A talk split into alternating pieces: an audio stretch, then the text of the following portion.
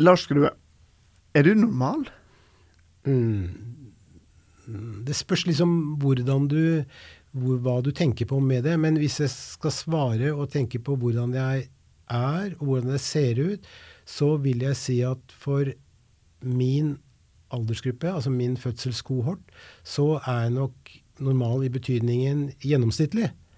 Men eh, hvis jeg hadde vært eh, 40 år yngre, så ville jeg nok sagt at jeg var litt utenfor normal, normalen, i den forstand at jeg ville vært f.eks. mindre enn gjennomsnittet. Ja. Lars Grue, velkommen til uh, Viten og snakkes. Du, uh, du er forsker tilknyttet NOVA, og du har jobba mye med begrepet normalitet. Mm. Og, og det første jeg lurer på, er liksom, dette ordet 'normalt' er jo noe vi bruker i, i språket vårt hele tiden. Kan du for, er det mulig å forklare på en enkel måte hva dette begrepet er for noe? Betyr? Um, ja, jeg tror at altså, det, det, det, er nok uh, greit å begynne med utgangspunktet det jeg sa i forrige setning, nemlig at det har noe med gjennomsnitt å gjøre. Og hvis man skal gå litt sånn altså Det er som du sier et ord man bruker hele tiden, og man bruker det tror jeg uten å tenke så mye over hva man mener med det. Og iallfall var det sånn for meg da, at uh, da jeg brukte ordet i mesteparten av mitt liv, så, eller har brukt det, så har det vært uh, uten å reflektere noe særlig over hva jeg mener med det. Men når jeg begynte å bli litt mer bevisst og mer oppmerksom på hva ordet egentlig sier noe om, så ble nok også min oppmerksomhet vridd i retning av at det var noe med gjennomsnitt å gjøre. Og det var ikke så dumt tenkt, fordi at uh, historisk sett så er den måten som vi forstår normalitet på i vår del av verden, altså da tenker jeg på liksom den kanskje den mer vestlige og nå industrialiserte delen av verden, så har ordet røtter tilbake til en belgisk matematiker og astronom faktisk på 17 over til 1800-tallet som het Adolf Ketelé. Og han var veldig opptatt av det gjennomsnittlige som eh, det normale. Og han eh, var faktisk så besatt av det at vi har uttrykk som eh, f.eks. Eh, le classe moyenne, altså middelklassen, som et uttrykk for den mer sånn ide, ide, si, idealiserte klassen i samfunnet. Og han eh, jobbet med eh, veldig, veldig tett opp til hvordan folks kropper og kanskje også psyker var. Men han var mest kjent kanskje for hvordan kroppens normalitet eh, skal forstås. da. Og han mente at uh, den ideelle kroppen til et menneske, som han kalte l'homme moyenne fysikk, altså den uh, gjennomsnittlige fysiske kroppen, eller mennesket, det var gjennomsnittet av alle kropper i hele verden. Og dermed så ble også begrepet eh, et, en veldig abstrakt størrelse, for ingen, kanskje ingen, hadde akkurat denne kroppen. Men det var liksom malen alle skulle måles mot. Og så kalte han også eh, så foretok han eh, store undersøkelser hvor han så på liksom fordelingen av kropps, forholdet mellom kroppsvekt og kroppshøyde. Og så laget han en indeks som han kalte for Ketelés indeks, som sa noe om forholdet mellom kroppshøyde og kroppsvekt. Og denne indeksen den eh, døde bort for så vidt etter at han var borte.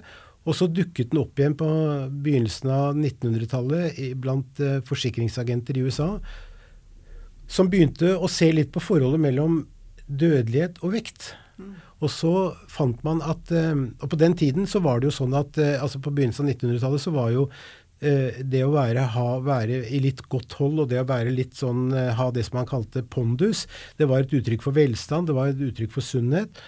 Men allikevel så var det sånn at en del av disse med pondus da, de døde litt tidligere enn andre.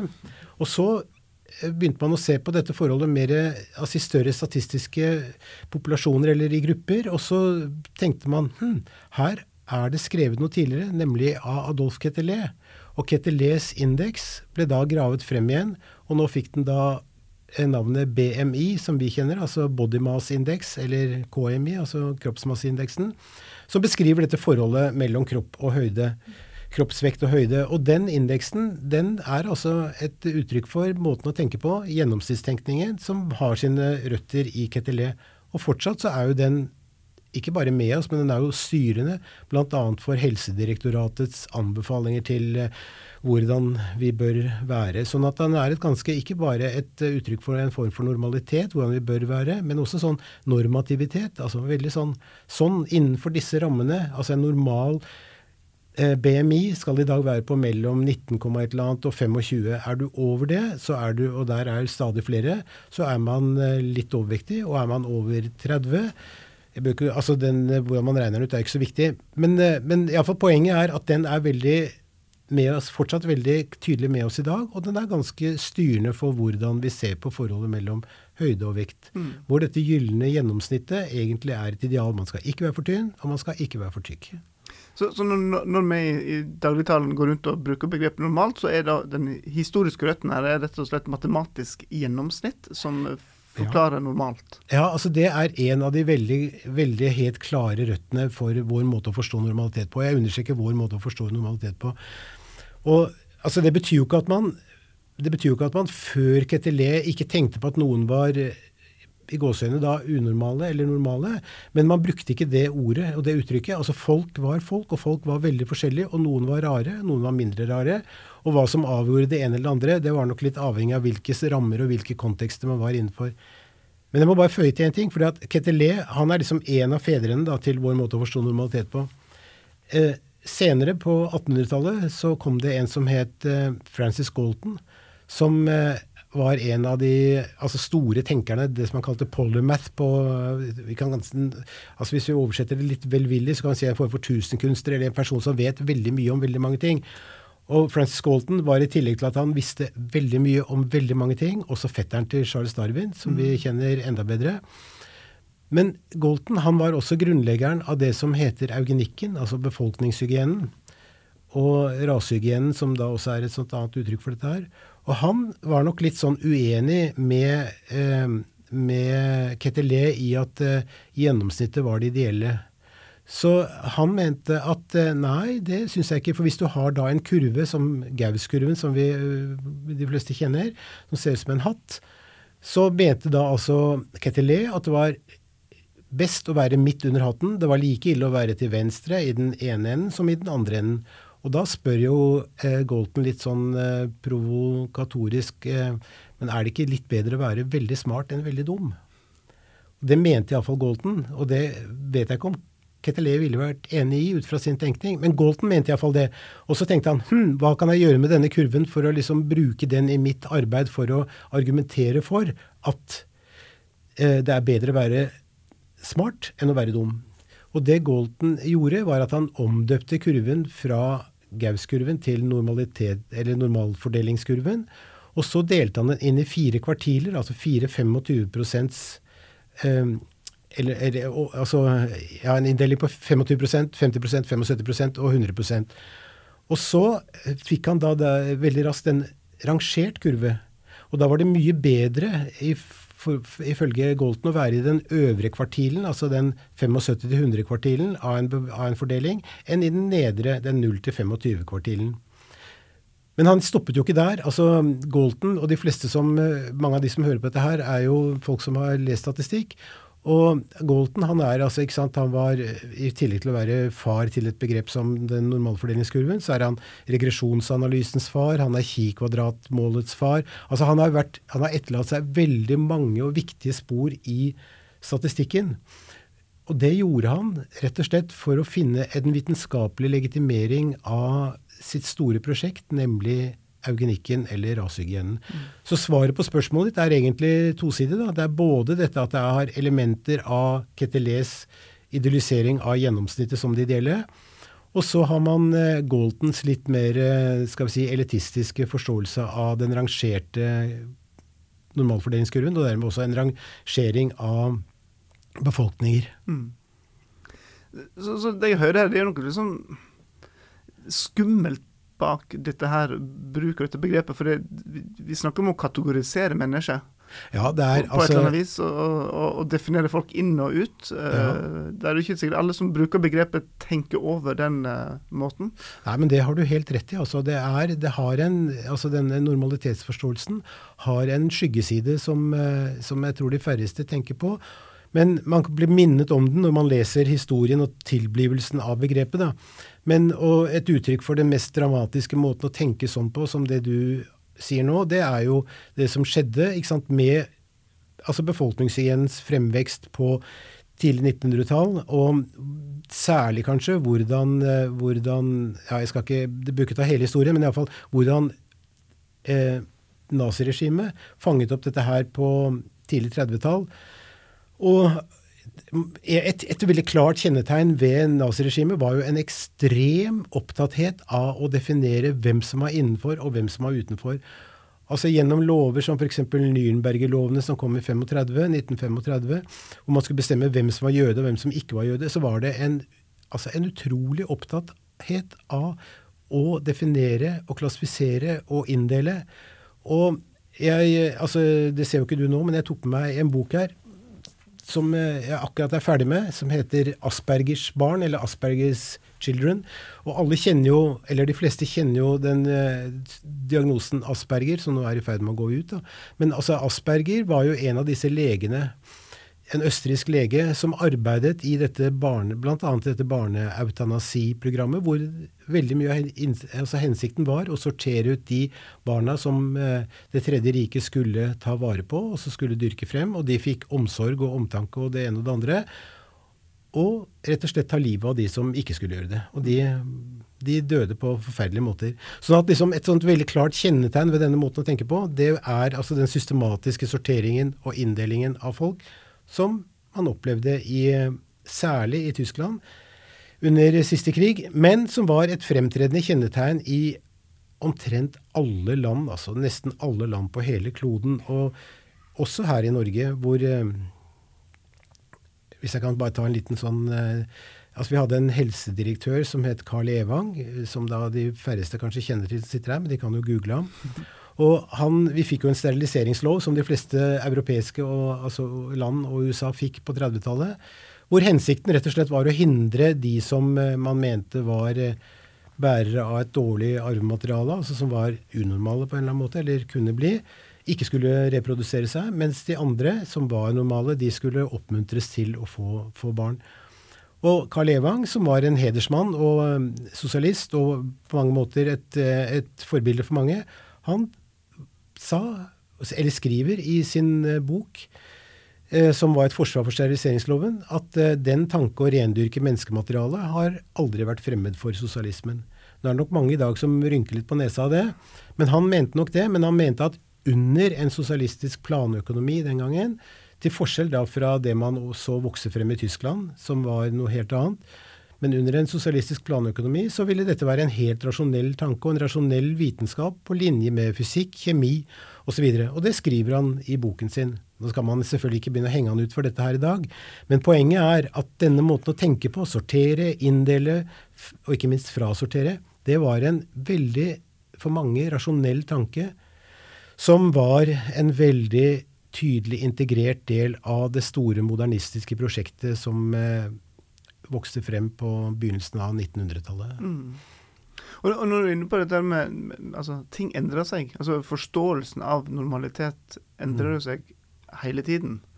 Du har jo allerede kommet med ett eksempel her, ja. og du inntil da med, med, med, BMI og forståelsen ja. på hva er normalforhold mm. mellom høgde og vekt. Er det andre sånn gode eksempler på, på ting vi an, som før ansett som normalt, som har endra seg? Altså, det, det, det, er jo litt avhengig av hvilket sånn tidsspenn man legger til grunn. Men, men jeg vil si at, uh, at uh, innenfor altså man, har, I den boken jeg har skrevet, så har jeg liksom tatt for meg noen ulike områder. Um, altså Som skjønnhet, og jeg har tatt for meg psykiatri og sånn. Og det er alltid, syns jeg, sånn litt uh, takknemlig å gripe fatt i psykiatrien. For der er det veldig mye eh, rare eksempler. Jeg kan, hvis jeg kan bruke, bare bruke et par minutter på å nevne ett eksempel fra veldig gamle dager, fra 1800-tallet.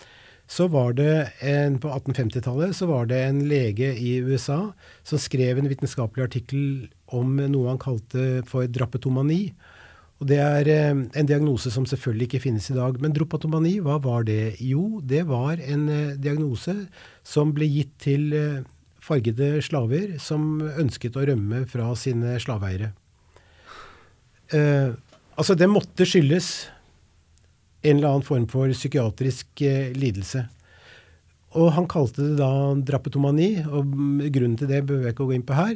Men, men poenget var at det ble, var en diagnose som ble gitt til fargete slaver, som var oppsettsige, som ikke innordnet seg slaveeieren, og som ønsket å rømme. I dag som jeg sa, så er det helt utenkelig å komme med en sånn diagnose, og så vil vi le av det. Men altså, vi har også sånne diagnoser som kommer og går. ikke sant? Eh, og i, i dag, i, i, dagens samfunn, så er det jo en diagnose som er veldig vanlig, som særlig gutter får. Og som da, for å ta tråden litt tilbake til eh, Nei, jeg behøver ikke ta den. Jeg kan ta en annen diagnose. Det er det vi kaller for eh, ADHD, altså sånn hyperaktivitet. At gutter er, og særlig gutter, er veldig mye oftere diagnostisert enn en jenter. For 20 år siden, 25 år siden så var det veldig få som hadde den diagnosen. Nesten ingen. I dag er det veldig mange. Jeg tror det er opp mot 5-6-7 her i Norge. Og den, den, diagnosen, den rammer da eh, merkelig nok altså mye oftere gutter som er født tidlig på året, enn gutter som er født sent på året. Altså, de som er født i januar, de har en langt større sjanse for å få diagnosen ADHD enn de som er født i desember. Det har kanskje noe med skoleåret å gjøre, og det innrømmer jo også selv Helsedirektoratet, som er liksom eh, skal vi si, vår eh, vakthund i sånne saker. da. Fordi at eh, barn, eller særlig gutter kanskje, som med modenhetsutvikling og sånt, og gutter som er født i januar, de er kanskje noe, og som begynner da i en klasse, er kanskje noe mer umodne enn gutter som får et år til på seg. Og Det har man etter hvert også begynt å erkjenne, da. men allikevel finner man altså at uh, diagnosen deles ut med rund hånd, og oftere da til gutter som er tidligere i året, født tidlig i året enn de som er født sent i året. Og det er en sånn type skal vi si, sykeliggjøring av noe som kanskje i utgangspunktet helt er normal atferd for kanskje særlig gutter. Jenter får den diagnosen, ja, men veldig, veldig mye sjeldnere. Men i alle fall, det kan, kanskje være et sånt eksempel. Og det fins jo også masse andre eksempler på det. I den, i den, nye, den nye, manualen for psykiatriske diagnoser som heter DSM-5, som den amerikanske psykiatriorganisasjonen utgir, og som er retningsgivende for det som senere skjer i, i, i, i Verdens helseorganisasjon, der har man fått en diagnose på eh, altså barns raseriutbrudd, altså barn i alderen to til tre-fire år som har litt for mye raseriutbrudd, litt for store raseriutbrudd, de blir nå diagnostisert med en diagnose. Eh, mange, og ikke minst fremtredende psykiatere i eh, USA, er jo svært betenkt over at barns raseriutbrudd i det hele tatt skal defineres som en psykiatrisk sykdom. En annen ting, for å si det til slutt, da, det er at altså, det å ha en sorgreaksjon etter et stort tap, f.eks. en skilsmisse, et dødsfall i familien, et eller annet sånt, det blir også nå en diagnose, eller kan bli en diagnose. Um, og det som er realiteten dette her, er vel at Kanskje er det slik at uh, særlig en del innenfor psykiatrien er med på å underlegge deler av menneskelige uttrykk som vi tidligere så på som normale og forståelige og kontekstuelt veldig lett forklarbare, at vi underlegger det et medisinsk regime som skal behandles, og som kanskje Ja, det kan være mange grunner til det, som vi heller ikke behøver å gå inn på, men iallfall så er svaret på spørsmålet ditt er at uh, innenfor flere områder så er det nok veldig flytende grenser på, på, på hvordan vi definerer noe som innenfor og utenfor normalspekteret. Men, dette henger vel sammen med at vårt behov for å sette navn, altså som vi snakker om, å kategorisere og, og, sette navn på ulike ting av det vi observerer rundt oss i samfunnet eller i, i psykiatrien.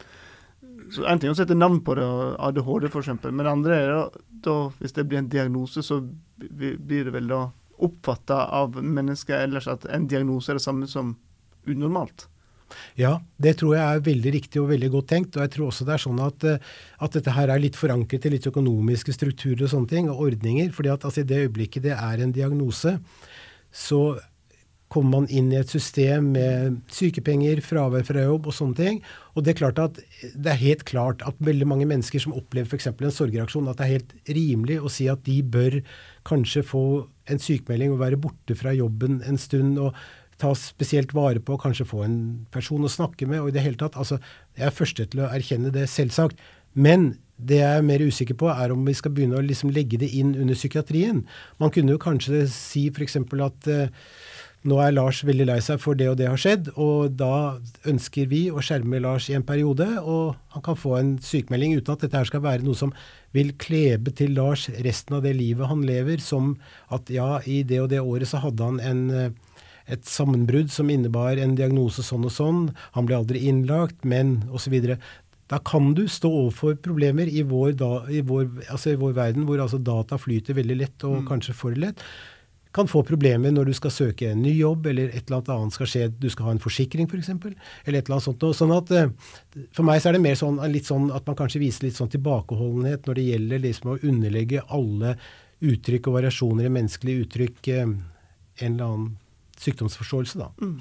Men her kommer vi litt inn på den definisjonsmakten av um, normalitet, eller det som er unormalt. Altså, det er jo f.eks. interesseorganisasjoner for de som sliter psykisk. Eh, mm. Som vil si at la oss snakke om det. Mm. Snakke mm. høyt om det i offentligheten. Gjør det Hvis alle snakker om det, og da blir det gjort om til normalt. Mm. Eh, og at en får en større ja. forståelse for det. Ja. Så, så, dette med å Altså, hvem definerer tenk, altså, Du har snakket om matematikken her, og gjennomsnitt og du snakket om diagnoser, men, men, det er jo ofte en sterke gruppe som kan gå inn og, og, og påvirke denne her definisjoner ja, på Ja, men det har du helt, eh, selvsagt helt rett i. Altså, og jeg syns jo dette her altså i hele tatt Det å bli definert altså som psykisk syk, eller altså, for, altså uten at dette her er helt parallelt, så kan man jo si at altså Altså, da farget i USA på sin, altså sin tid ble definert av noen som hadde makt til å definere, så var et av opp, en, av, en, av, en av, teknikkene de brukte for å komme ut av det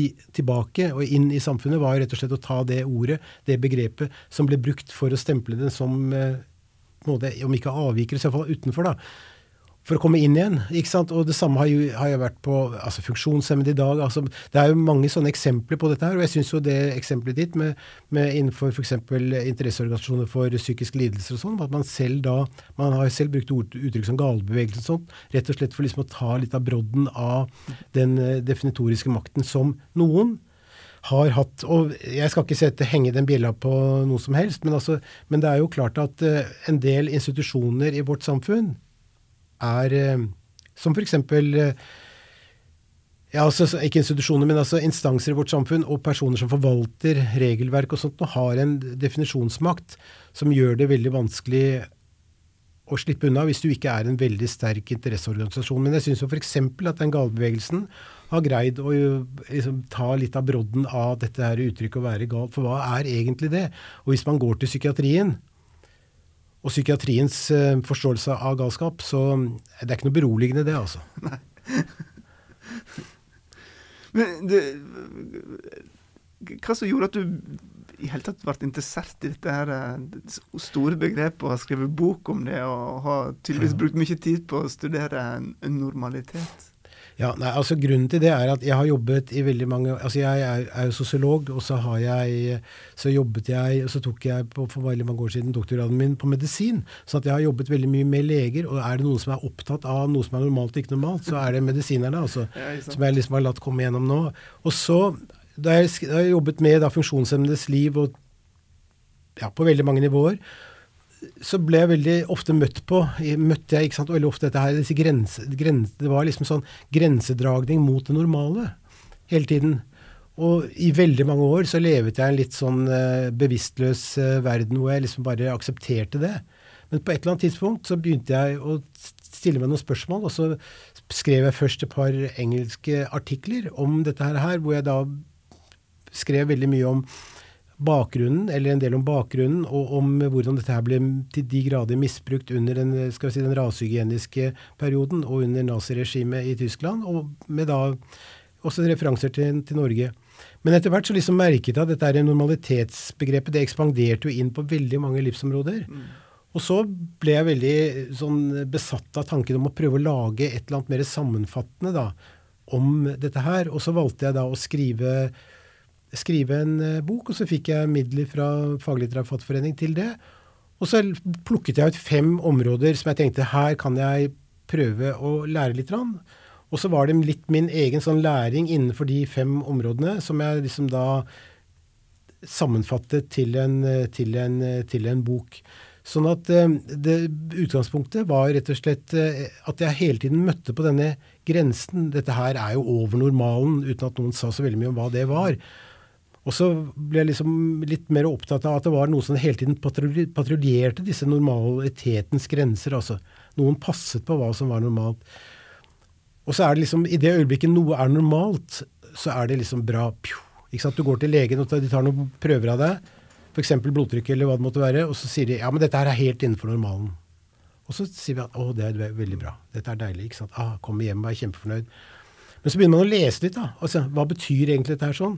Så finner vi at liksom ulike land har ulike blodtrykksgrenser, alder har ulike blodtrykksgrenser, eller alderen, altså blodtrykk varierer på alder. Og det er hele tiden veldig sånne flytende størrelser.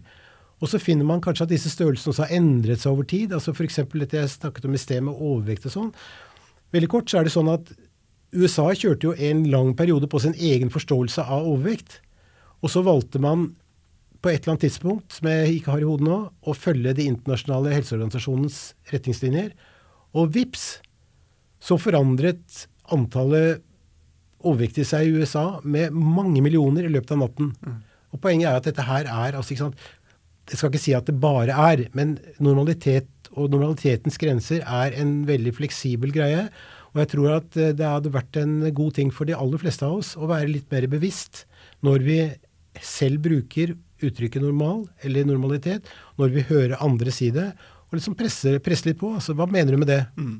Fordi at de aller fleste tror jeg vil komme til kort. altså. Jo, men det er jo selvsagt. Ja, hvorfor er det selvsagt? Og så liksom følge det litt. Rann. Og det er noe med litt sånn disiplineringen av tanken for meg. altså, Rett og slett fordi at jeg er blitt mye mer varsom med å bruke uttrykket normalitet. Og normal, jeg vil kanskje si at ja, ja, folk er forskjellige, ikke sant. Og det er klart at åpenbart så er det noen som er helt ute er over en grense. Men altså hvor den grensen går, den, eh, den skal vi passe litt på, altså. Um, dette arbeidet med, med, normalitet har jo uh, ført deg inn i kunsten òg. Altså, du, du har samarbeidet med ja. Nationaltheatret. Jo, det er, det, er ikke, det, jo, det er pent sagt, det, altså, det er samarbeid. Men det var altså Jeg fikk en Jeg hadde skrevet noen sånne hva heter det, sånne idehistoriske essays, to-tre stykker, i Morgenblad gjennom et år. Men litt med utgangspunkt, fordi altså, man må jo prøve å gjenbruke det man har laget. I, og så laget jeg en om forholdet mellom skjønnhet og altså moralske kvaliteter og, og skal vi si, forholdet mellom kropp og sinn når det gjaldt altså, Er det sånn at mennesker som ser pene ut, også er pene i tankene? Og det syns de på Nationaltheatret passet veldig bra til en uh, forestilling som de satte opp nå i høst, om Cyrano de Bergerac. Denne litt uh, skal vi si forsofne og overivrige ridderen med lang nese og dermed et litt avvikende utseende, men som var god som gull, også, og som var kjempesmart, men hadde et selvbilde som var eh, to centimeter høyt. Han elsket Roxanne, men trodde aldri han kunne få Roxanne fordi han hadde denne lange nesen. Og det, Hvis jeg skal si to ord om det, så er det rett og slett en eh, litt sånn forlengelse av det jeg har drevet med. fordi at det går på denne veldig Det heter til og med kalogagatia, et gresk ord, som har fulgt oss fra den greske antikken og frem til i dag, som sier noe om sammenhengen mellom hvordan vi ser ut, og hvordan vi Altså hvordan vi fysisk ser ut, og hvordan vi er som mennesker. Og altså, denne forestillingen sitter veldig, veldig, veldig dypt i oss, altså. At uh, pene mennesker er også pene inni. Og i en periode på 1930-tallet som er litt sånn morsom, så man altså så prøvde man i St. Quentin-fengselet i USA å operere folk, altså forbrytere, med plastisk kirurgi for å endre deres ytre. Ta bort blomkålører, rette neser. Altså gjøre dem, etter våre begreper, eller datidens begreper, penere. For man trodde at i det øyeblikket man gjorde dem selv penere, så ville de også endre seg innvendig. Dette her ble omtalt. altså Det er en veldig kjent kirurg som skrev Eh, en bok om hvordan man kan bygge karakter i hjelp av plastisk kirurgi. og Dette her ble bejublet i New York Times, og det var datidens løsning på forbryterne, altså problemet med forbrytere. Og dette her var også en sånn gjenspeiling av en idé da, som vokste litt ut av sånn rasehygiene og litt sånne ting, ikke sant, med Lombroso, den italienske kriminologen, ikke sant, med forestillingen om at uh, det ytre speiler det indre. Og vi har funnet det mange steder i kunsten. ikke sant? Shakespeare bruker det i flere av sine skuespill, bl.a. i Rikard 3., som både hadde som en, skal vi si, en sånn stor kul på ryggen, litt lam i venstre hånd, og samtidig var han ond som bare det. ikke sant? Han altså, drepte jo sine to nevøer i dette, slottet, i, nei, dette tårnet i Tower of London. Men poenget er at denne forestillingen om at det ytre speiler det indre, det, var, eh, det nedfelte seg da i en, i en, i en sånn eh, et lite essay i Morgenbladet. Og så ringte Nationaltheatret og spurte om jeg kunne tenke meg å skrive noe om det med referanse til Cyrano. Mm. Og det tenkte jeg at mm, kanskje, kanskje, det. Og så gjorde jeg det. Og det, var, det er sånt syns jeg er kjempemorsomt. da. Det er klart det. For det er litt, også litt sånn forskningsformidling på en måte. det der, fordi at dette bildet av den pene og den snille, det lever nok fortsatt eh, med oss, altså. Iallfall ifølge sosialpsykologene. Er det, en, er det, en, forståelse som eh, ikke du tror kommer til å endre seg eh, med det første? Jeg tror den sitter ganske, jeg tror den sitter ganske hardt, altså. Det at liksom, Han må jo være veldig grei, for han er jo så pen. Ja. Altså, Jeg er full av skepsis, ikke sant. Men, men jeg tror at er, denne forestillingen har levet med oss i iallfall 4000-5000 år. Og det skulle ikke forbause meg om den holder ut noen år til, altså. Eh, Lars Grue, dette har vært veldig interessant. Eh, det er en sånn øyeåpner, dette her. At uh, igjen gå ut og være bevisst på hvordan en rett og slett prater. Og som du er inne på, være kritisk til den her, å definere og sette, sette merkelapper på. Ja, jeg tror, vi, jeg tror, at er det noe unge mennesker uh, Unge mennesker, jo, altså unge mennesker vet jo så mye og er jo så positive, og det er liksom så mye fint å si. Men er det én ting de Jeg håper at uh, den generasjonen som vokser nå frem i dette samfunnet som vi nå en gang lever i, det er å være ikke minst kritisk til noen av de begrepene og de tankemodellene og de Altså de idéstrømningene som nesten ligger uh, nedarvet i oss, altså. Som vi får inn fra vi er bitte små gjennom uh, alt fra nesten si eventyr til eh, historiebøker. Still spørsmål. Ikke la deg bli avspist med Jo, det er jo klart det at For sånn, det er ikke klart. Det er ikke det, altså. Det er ikke det.